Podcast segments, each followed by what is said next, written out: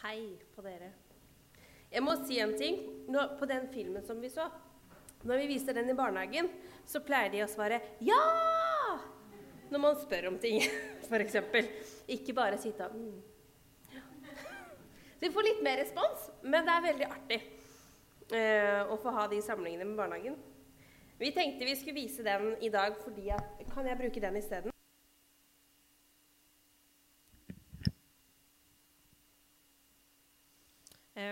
Vi tenkte vi ville vise den fordi at uh, i dag så handler det om de vise menn og stjerna.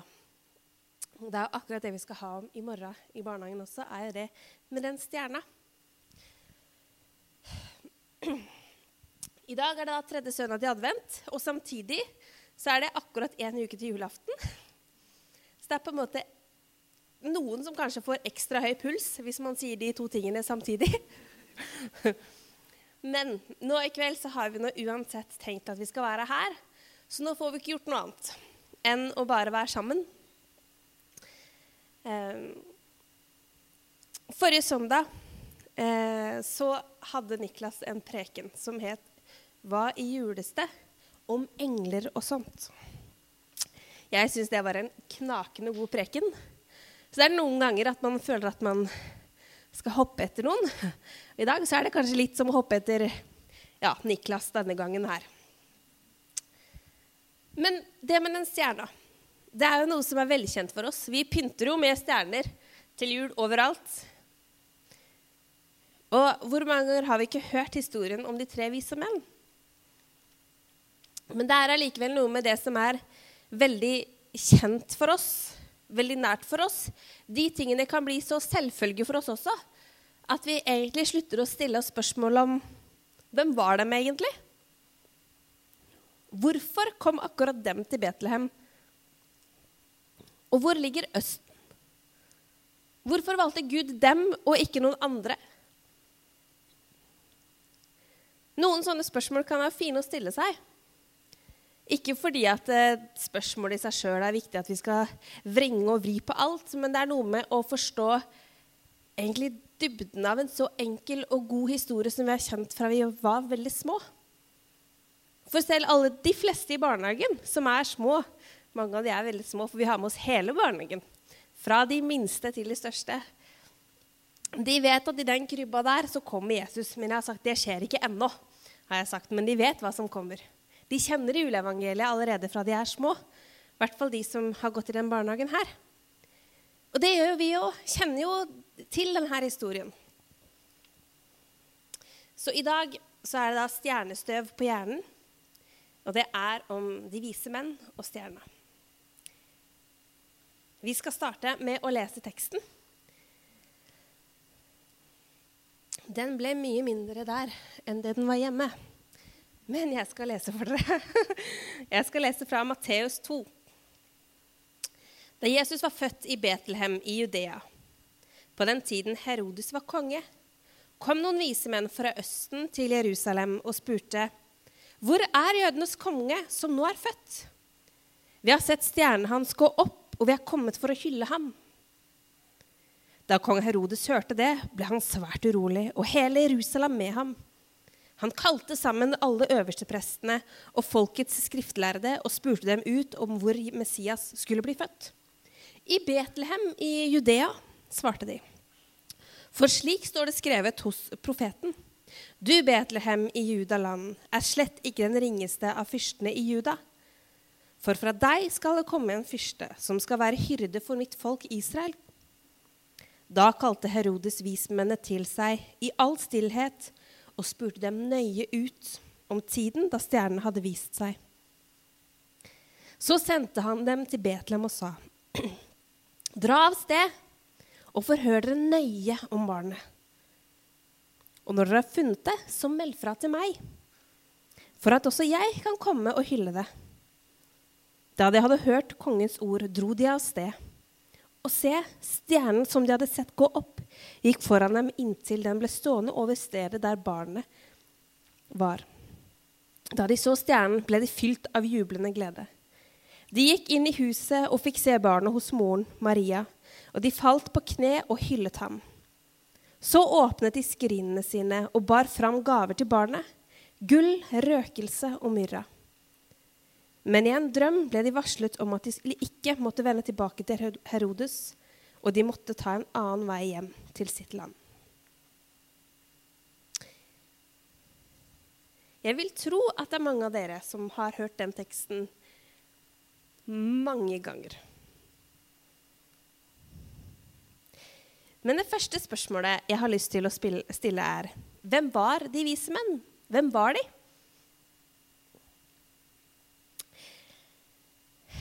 Hvis vi ser i teksten, så sier den jo egentlig ikke så veldig mye, for det her er det vi vet om dem, som det står. Det er ikke noe henvist til hit og dit hvor vi kan se hva de heter, eller de, hva slags hus de kommer fra, eller noe sånt. Dette er all informasjonen vi egentlig får. Men vi ser jo at de kommer fra Østen.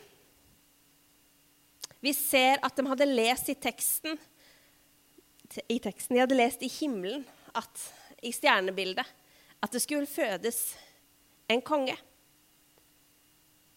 Og det står også at de kom for å tilbe ham. Og de hadde med seg røkelse, gull og myra. Og ut ifra de opplysningene så kan vi faktisk vite litt mer.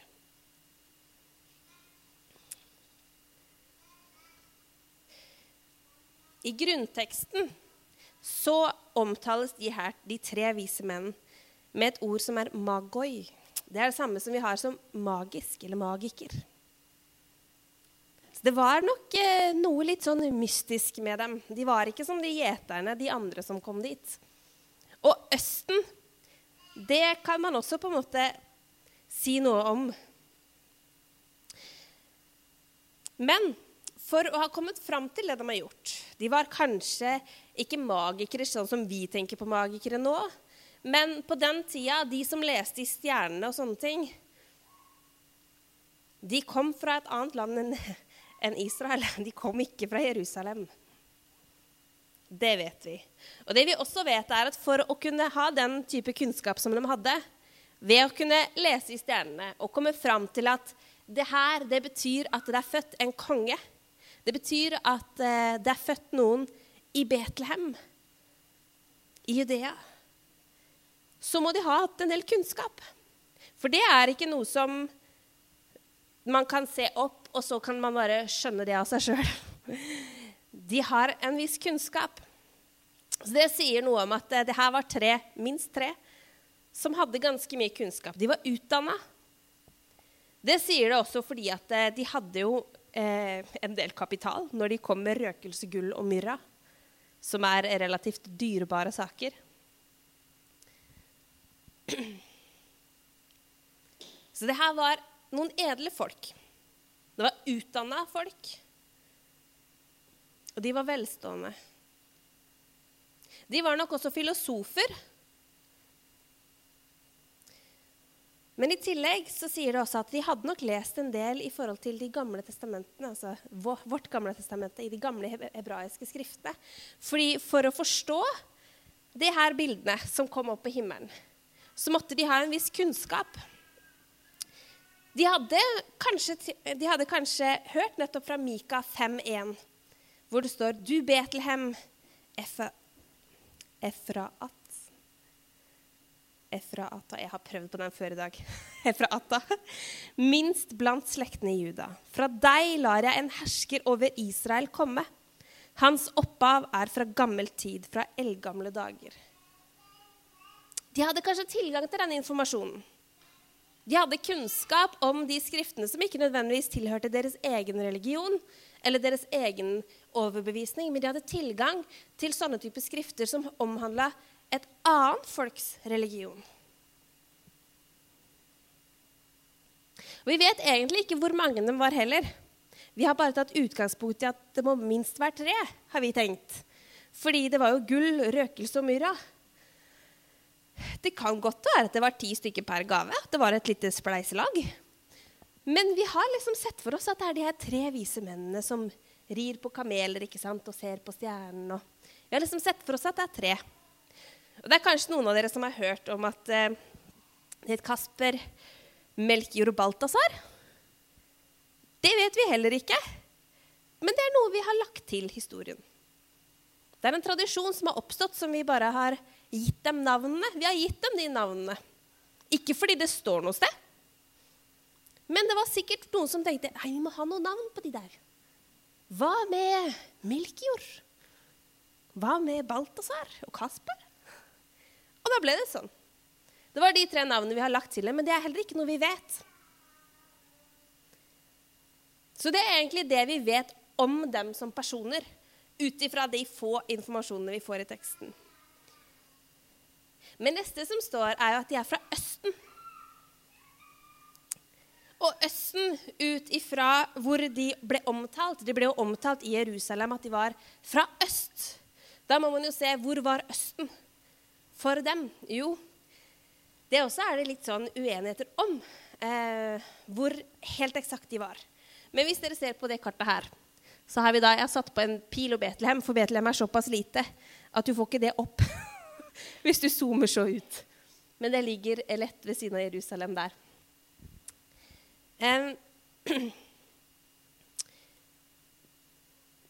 Noen mener at de må ha vært fra det som i dag er Irak. Noen mener at de må ha vært enda lenger øst, Iran. Og noen mener at de må ha vært enda lenger øst, fra India, som ligger helt der. Så egentlig så er det vel bare spørsmål om hvor langt øst de var fra. Men det er en av de tre. Og grunnen til at man tror at det er en av de tre områdene, er jo bl.a. også for hva de hadde med seg. Fordi eh, det var handelsfolk i områdene der som dyrka de her luksusvarene, røkelse og myrra. Og de kom fra det området.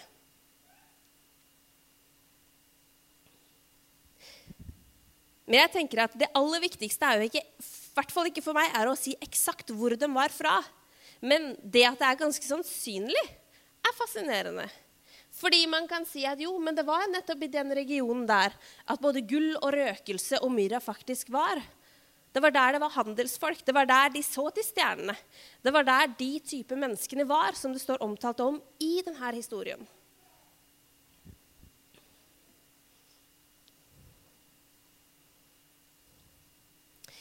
Ifølge babylonerne, som de også mener at kanskje det var der de var fra, så var stjernene var en skrift på himmelen. Og de trodde at stjernegudene påvirka det som skjedde her på jorda. De trodde også at hvis man leste i himmelen på stjernene, så kunne man lese hva som kom til å skje. Litt sånn horoskoptendenser, nesten. Det er også litt fascinerende, for det er det blitt advart om i Bibelen. Både Jesaja og Jeremia advarer mot dem som prøver å spå ting som skal skje ut ifra å se på himmelen. Det syns jeg også er litt interessant, at Gud da velger å bruke noen som man tidligere har advart mot. Den type sånn Det å lese i himmelen og sånn, det, det er blitt advart mot, mot, mot, de som tror. At de skal man ikke følge. Og likevel så er det noen som nettopp har gjort det. Som har sett opp til himmelen som kommer til Jesus helt først.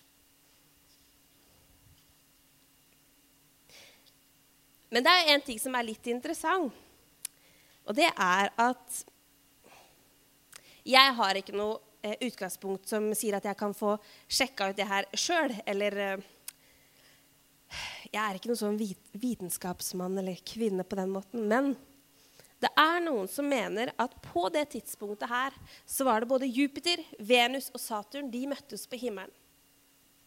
Og det blir fiskens stjernebilde. Og i babylonsk astrologi, der hvor de tre vise menn kom fra, så ville det stjernebildet nettopp bety at det var en verdenshersker som var født. Det vil si at det var en verdenshersker for den siste tid, født i Israels land, ville det ha betydd for dem. Så jeg tenker at alt dette her til sammen var jo kanskje akkurat det de tre vise menn så. Det med den bakgrunnen de hadde, at de hadde mulighet til å lese i tekstene, som kanskje ikke tilhørte deres egen religion. De hadde også mulighet til å se opp og ut ifra den tradisjonen de tilhørte, se ut at ah, dette betyr at det er født en hersker for den siste tid. dette betyr noe stort. Dette betyr noe for oss.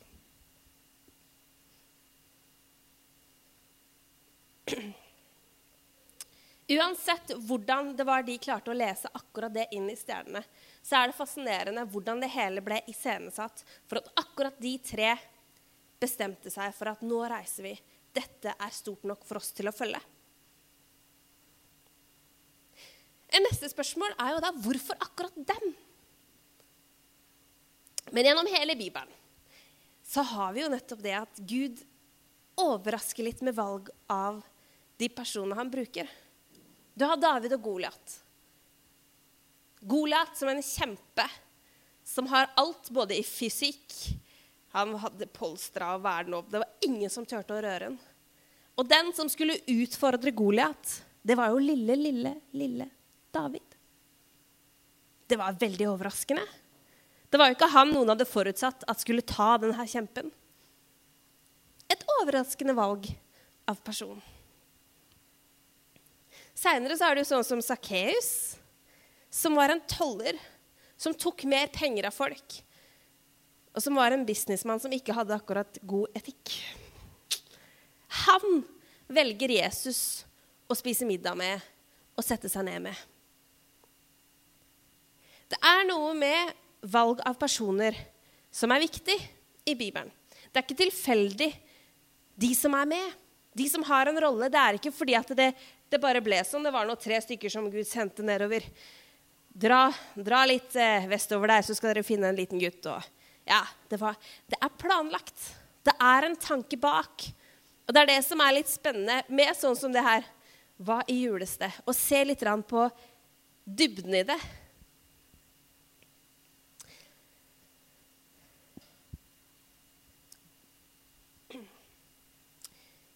Som vi vet, som kjenner juleevangeliet, så sendte jo Gud også gjetere dit for å møte Jesus. Og den rake motsetningen ville jo da nødvendigvis være tre vise menn fra Østen. Du har de gjeterne som er lokale. De er eh, fattige. De, er, har, de er, har, en tjenende rolle. De er ute på marken og passer på noen sauer. Fordi sauene skal ha det trygt, så skal de ofre seg sjøl. Det er ganske tøft yrke. De sender Gud. Men nettopp da, for å vise at Jesus er for hele folket, så må han ha et motstykke til de her gjeterne. Og da, som vi har sett, så sender han da noen velutdannede, rike vismenn fra et helt annet geografisk område. Nettopp for å si noe om hvem Jesus er for. Ja, han var jødenes konge, men de som kom for å tilbe ham fra Østen, var ikke jøder selv. Det sier noe om vidden og bredden.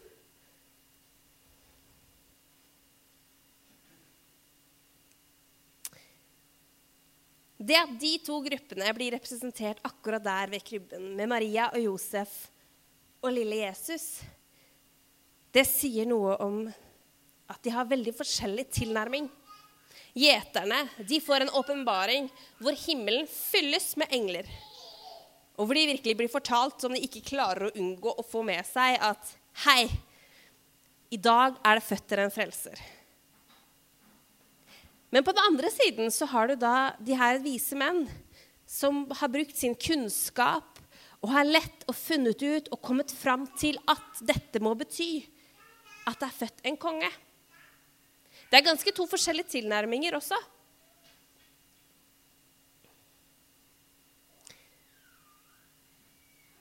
Vismennene stiller et vesentlig spørsmål til Herodes som er ganske spot on. De sa, 'Hvor er den jødenes konge som er født?' For vi så hans stjerne i østen og er kommet for å tilbe ham. Spørsmålet er jo egentlig sensasjonelt. Ingen i Jerusalem hadde lagt merke til den stjerna. Ingen i Jerusalem hadde valfarta i den retningen. Det var bare ca. 8 km å gå. I forhold til Østen så var det veldig, veldig nærme. Det er en svipptur til Lillehammer. Og ikke det engang. Det er nesten til Lillehammer. Men de i Jerusalem hadde ikke fått det med seg. Og de hadde jo i hvert fall tilgang til de her skriftene hvor det nettopp sto hvordan Messias skulle komme til.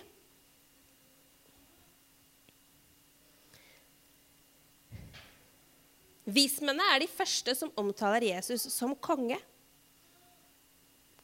Lukas, hvor vi leser om gjeterne, der er det snakk om frelseren. Men i Matteus, hvor det er de vise menn, så er det snakk om kongen, jødenes konge.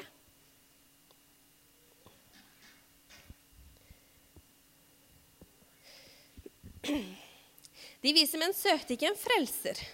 Ut ifra sitt ståsted så søkte de nettopp kongen, jødenes konge.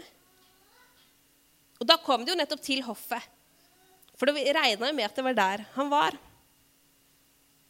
Det som også er litt fascinerende, at Herodes tar dem jo på en måte på alvor, virker det som. Fordi han spør jo veldig sånn, spør dem ut om hva slags informasjon de egentlig har. Hvor var det dere så det første gang? Fortell meg mer om den stjernen. Hvorfor har dere kommet hit? Så legger jo Herodes en egen plan for det her.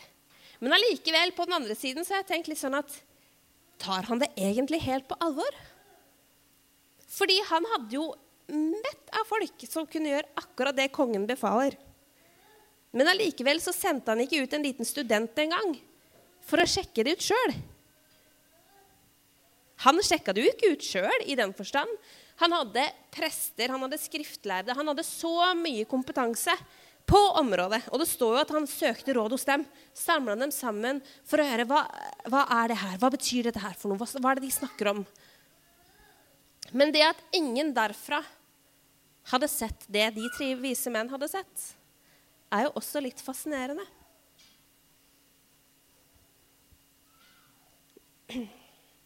Så vet vi jo at dessverre så gjør jo Herodes noe ut av det. Han tar det jo på alvor. For i frykt for å bli tatt, tatt ned fra sin kongetrone, så får han jo alle guttebarn som er mindre enn to år, drept i området. Nettopp for den frykten. Så han tar det jo på alvor, men allikevel så er det litt fascinerende hvor, hvor treig han er i avtrekkeren. på en måte. Han er så nærme, men allikevel så sitter han litt og venter på gjerdet.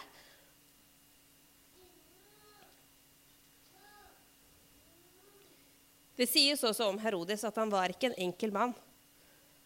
Det er noen som uh, Nå husker jeg ikke navnet på han, men det var en, teolog som sagt en litt sånn vittighet, fordi Herodes hadde en tendens til også å kvitte seg med eventuelle sønner eller sånne ting som virka som at gjorde opposisjon. da.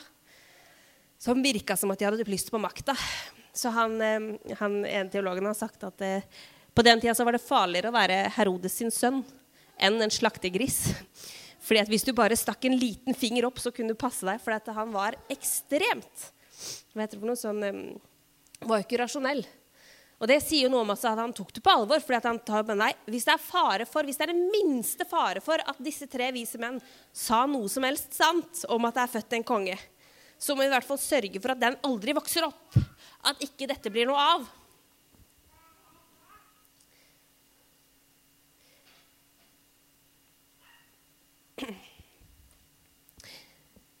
Men dette er jo litt om bakgrunnen. Noe er nok ganske kjent. Noe har vi kanskje glemt. Men hvorfor var det sånn? Hva skulle det lære oss? Fordi det er jo ikke nok at det er fascinerende. Jesu fødsel var jo ikke bare fascinerende. Det var ikke noe vi skulle undre oss over i ettertid. At ja, det var jo interessant å vite. Gud gjorde det jo sånn for at det skulle ha en betydning. Det var jo noe bak som jeg nevnte i stad.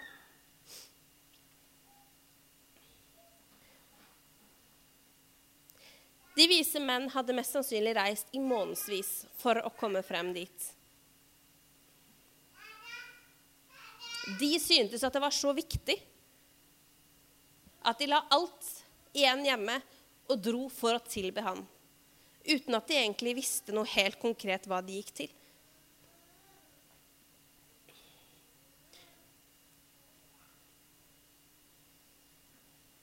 Når de da kommer til Herodes og forklarer hvorfor de er kommet, så tar jo Herodes imot dem. Han lytter til dem. Men allikevel så syns jeg at det ser ut som at han sitter litt på gjerdet. Han venter litt. Kan det være fordi at det var uventa at det skulle komme tre vise menn i all pomp og prakt fra Østen og fortelle om Messias? Kom det fra uventa hold? Var det det som gjorde at han var litt sånn spørrende til hele opplegget?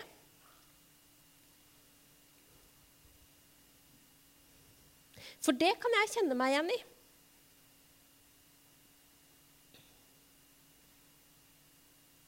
Det å gjenkjenne Gud, det å gjenkjenne hans svar på mine bønner, det å gjenkjenne Guds handlinger i mennesker, i steder, handlinger, i situasjoner som ikke jeg var forberedt på, det er vanskeligere for meg enn å kjenne det igjen der hvor det er kjent og forventa. Kanskje han hadde tatt det mer på alvor hvis det var noen av de skriftlærde som så det. Hva hvis det var noen av de skriftlærde der i Jerusalem som hadde sett den stjerna, og som hadde kommet fram til at jo, dette betyr at kongen er født? Kongen med stor K. Jødenes konge. Hadde det vært annerledes? Hadde budskapet blitt mottatt annerledes hos Herodes hvis det var den veien det kom? Jeg tror nesten det. For det var jo det de var satt der til å være. Rådgivere. De skulle komme med input i forhold til eh, den biten.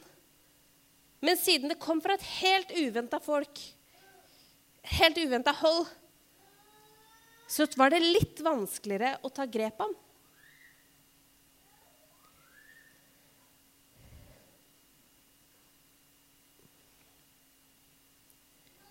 Gud brukte de vise menn. Og måten han brukte de på, er også en brikke i hele puslespillet. Nettopp det at han gjorde det jo sånn at de skulle forstå det. Ut ifra deres situasjon. De så til stjernene. De hadde kunnskapen. Men allikevel så var de langt unna. Men da gjorde, gjorde Gud nettopp det at de skulle forstå det. Ikke at alle andre skulle forstå det. Hvis han hadde gjort det tilsvarende for gjeterne, så hadde ikke de rørt seg av flekken. Fordi stjernehimmelen var jo lik som i går. Oi, da var det en stor stjerne. Ja. Skal lure på hva den betyr, jeg. Ja, nei, det får vi tenke på. Og så går vi litt videre. Og det var det. Gud møtte jo de vise menn ut ifra deres situasjon. Han skapte jo det stjernebildet så akkurat de skulle forstå det. Han skapte det sånn at de skulle sette seg på kamelene, legge ut på en lang reise for å tilbe og hylle kongen.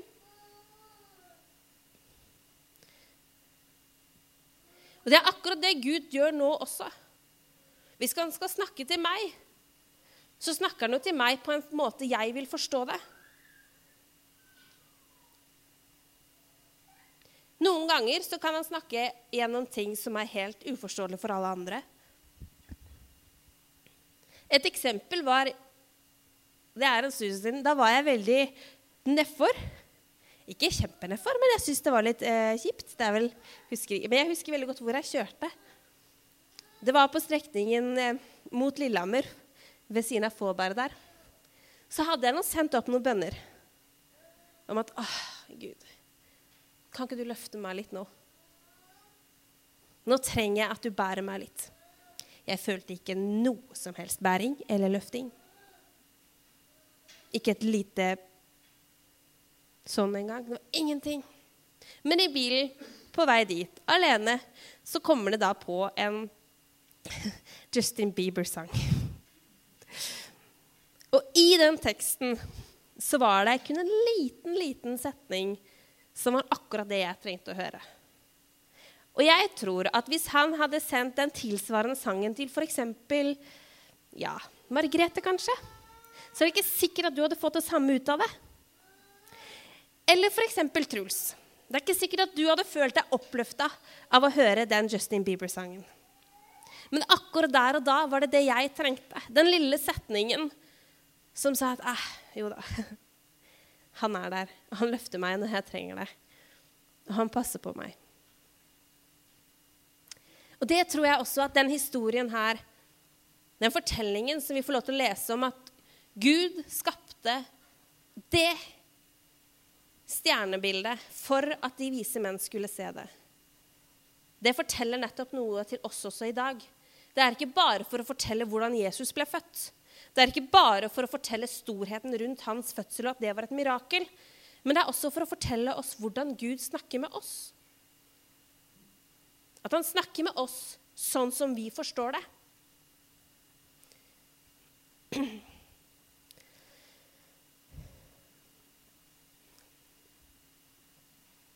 I tillegg så tror jeg det valget av personer skulle lære oss en ting til. Det at han valgte akkurat disse menneskene til å være sentrale i det største underet noensinne, hadde nettopp en betydning i forhold til geografi. Fordi du har de lokale, de gjeterne, som jeg sa, som var der på plassen. De skulle bare gå over noen hauger, og så var de der. Ved stallen, ved Maria og Josef.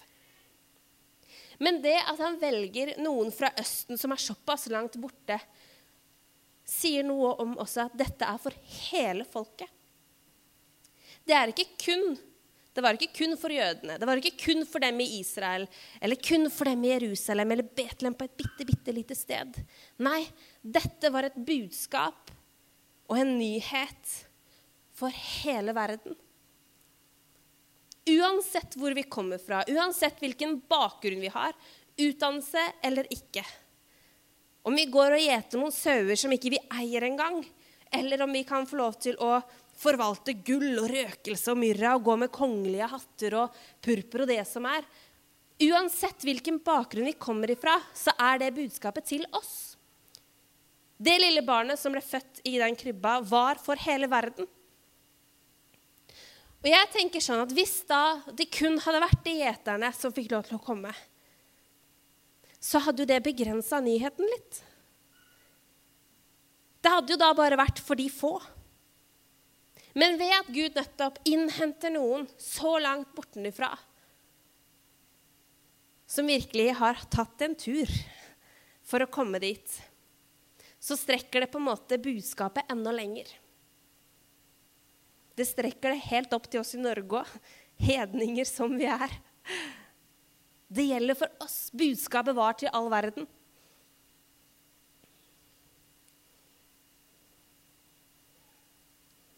En siste ting som jeg tenker at man kan lese ut fra juleevangeliet, er selve kjernen i det store evangeliet.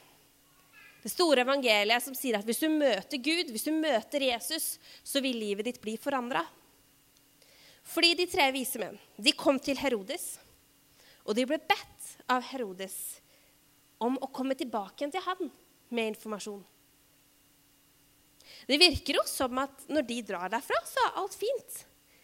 Det står ikke noe i teksten om at de tre vise menn mistenkte Herodes for å lyve. Eller de mistenkte at noe var galt. Eller det, det var ikke noe mistenkelig der, virker det som. De la ut på ferden, de. For der kom stjernen opp igjen. og dro videre.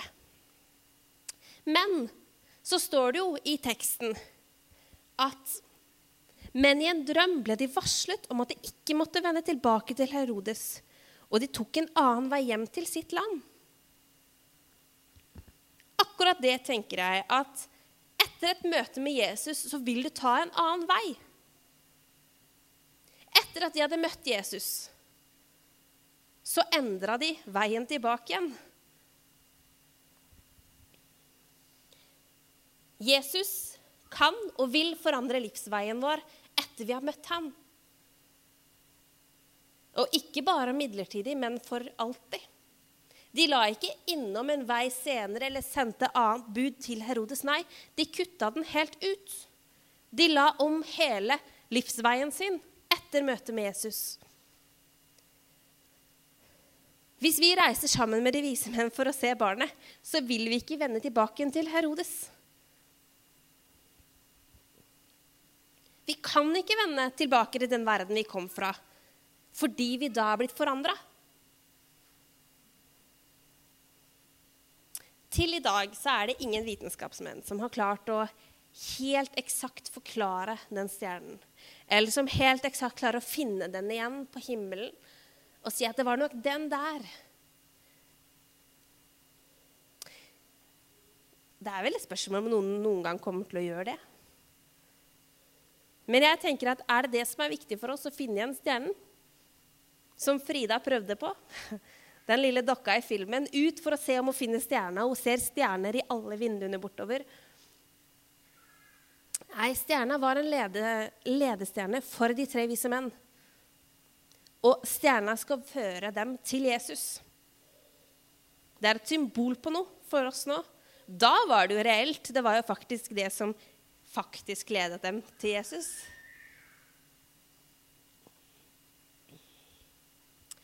Jeg tenker at ofte, for min egen del, så er det mange av de tingene som jeg har hørt så mange ganger, som jeg har vokst opp med, som er så kjent og kjært. Som jeg på en måte ikke alltid tør å stille så mange spørsmål med, fordi at jeg glemmer det litt. Men så er det egentlig mye mer der enn det jeg har sett i utgangspunktet. De tre vise menn, som egentlig er bikarakterer i hele juleevangeliet, tror jeg har utrolig mye å lære oss. Gud snakker til deg på den måten du vil forstå det. Om det er via stjerner eller om det er Justin Bieber, så vil han snakke til oss sånn vi forstår det. Et møte med Jesus vil forandre retningen for livet vårt, akkurat som det gjorde for de vise menn. Vi kan ikke vende tilbake til Herodes etter vi har møtt Jesus.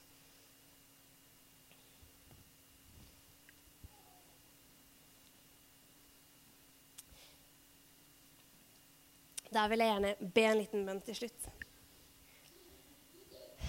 Takk, far, for at du sendte din sønn til oss. Takker deg for eh, den måten du gjorde det på, som vi kan lære nå. Jeg ber om at den siste uka i advent skal bli en god uke for oss, hvor vi kan få lov til å lytte til hva du har å si til oss, og at du skal hjelpe oss til å se det uansett om det kommer fra uventa hold, Gud. Takker deg for det store underet det var. Takker deg for at det, vi får lov til å feire det. Og nå at vi kan få lov til å markere det, Gud. At du kom til oss. At du strakte deg ned til oss for å røre ved oss, Gud. I Jesu navn. Amen.